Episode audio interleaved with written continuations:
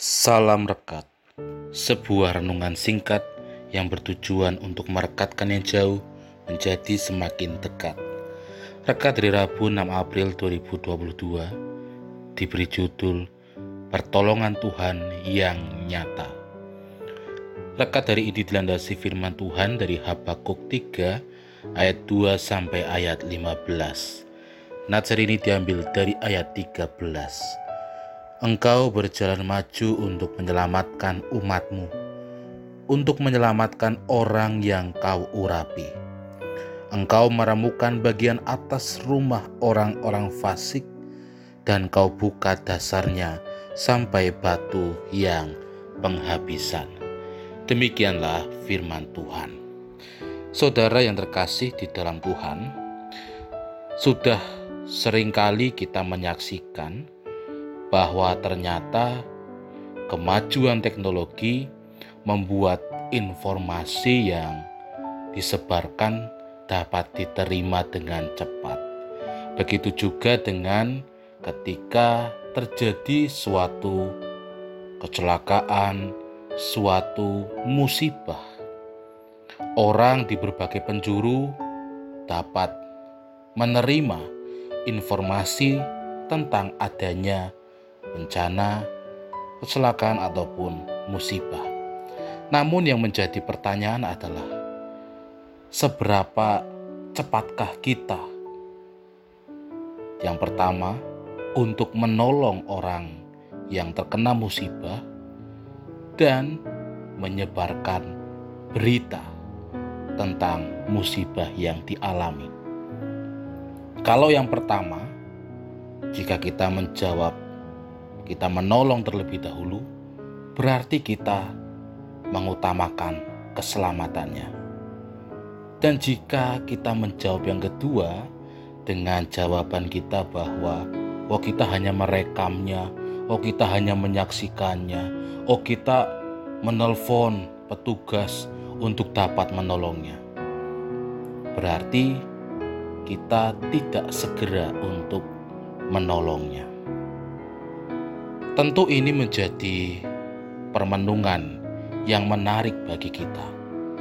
Seandainya kita yang terkena musibah, lalu Tuhan sebagai orang yang akan menolong kita, apakah Dia akan hanya merekam, menyaksikan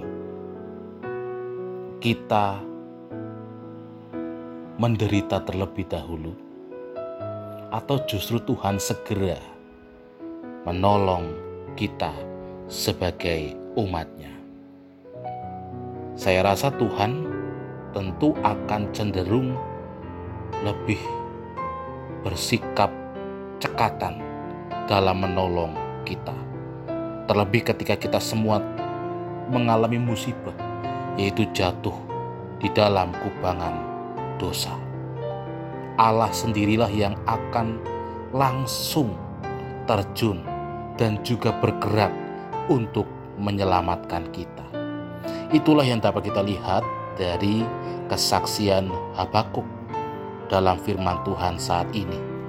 Di ayat 13 mengatakan bahwa Allah berjalan maju untuk menyelamatkan umatnya. Ia bukan hanya sekedar Allah yang hanya menyaksikan umatnya menderita, tetapi ia sendirilah yang ikut terjun untuk menyelamatkan umatnya.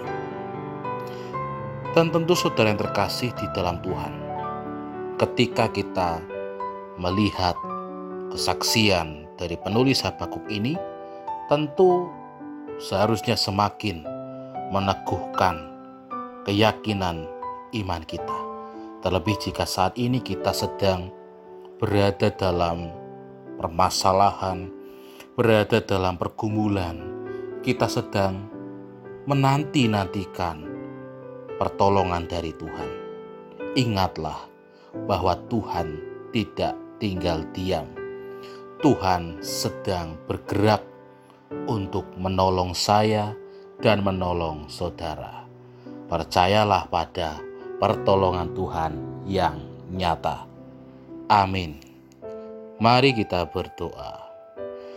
Tuhan kami bersyukur sebab Engkau Tuhan kami bukanlah Tuhan yang tinggal diam menyaksikan kami menderita. Tetapi Engkaulah Tuhan yang bersedia untuk terjun, untuk menolong kami, untuk menyelamatkan kami dari kubangan dosa yang membelenggu kami.